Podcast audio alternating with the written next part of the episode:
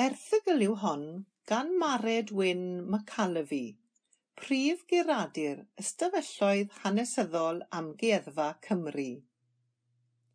Lliw a llun yn Llys Llywelyn.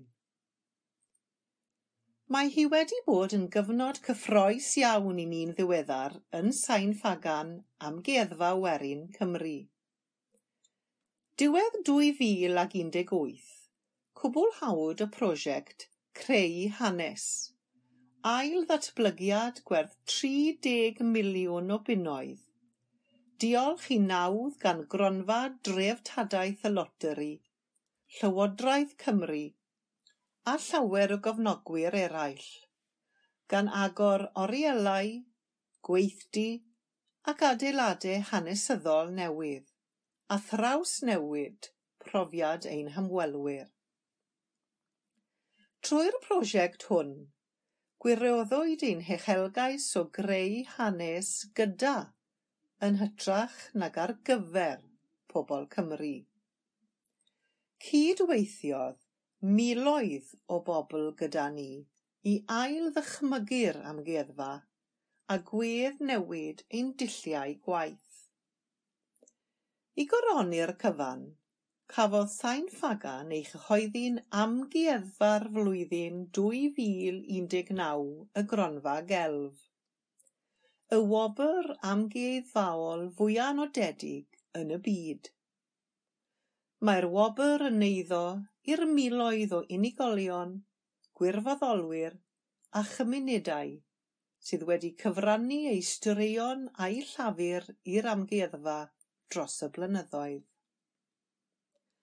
Fel rhan o'r prosiect Creu Hanes, cefais y fraint o arwain y gwaith o greu textiliau ar gyfer Llys Llywelyn.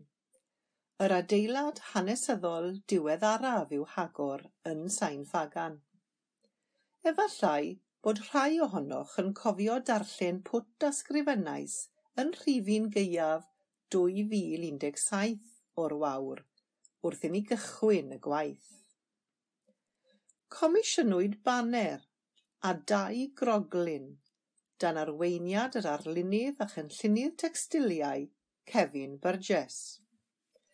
Yn ystod tymor yr haf dwy fil un deg saith, bu hanner cant o ddisgyblion ysgolion cynradd Niwbwrch, Llangaffo, Dwyran a Bodorgan ar Ynys Môn yn gweithio gyda Kevin i gynllunio croglin sy'n adrodd hanes Branwen o ail gainc y Mabinogi.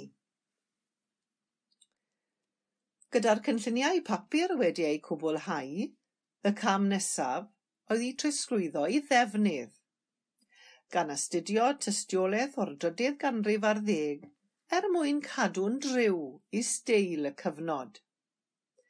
Mae fynyled yn fawr i ddeugain o aelodau canghennau Môn ac Arfon a'r Gogledd Ddwyrain o Gymdeithas Brodwaith Cymru a gytunodd i ymgymryd ar gwaith. Dwi'n meddwl ei fod yn deg dweud nad oedd yr un ohonom wedi llawn deall maint y cywaith hwn. Bu'r criw yn cyfarfod yn gyson rhwng tachwedd 2017 ym Medi 2018 ac un deg roeddwn wrth fy modd yn ymweld â hwy, a chael gweld y sgwariau yn dod yn fyw gyda'i pwythau cywrain. Roedd hi'n hynod o braf croesawu llond bws o'r gwragedd a deithiodd i lawr i Sain Fagan i weld ei camp weithiau'n serenni yn y llys. Dyma ddywed un o griw croglin Branwen. Dwi wedi cael miloedd o hwyl ac wedi dysgu sgiliau newydd, ac mae dod i fama heddiw, wel, waw ffactor amwn i.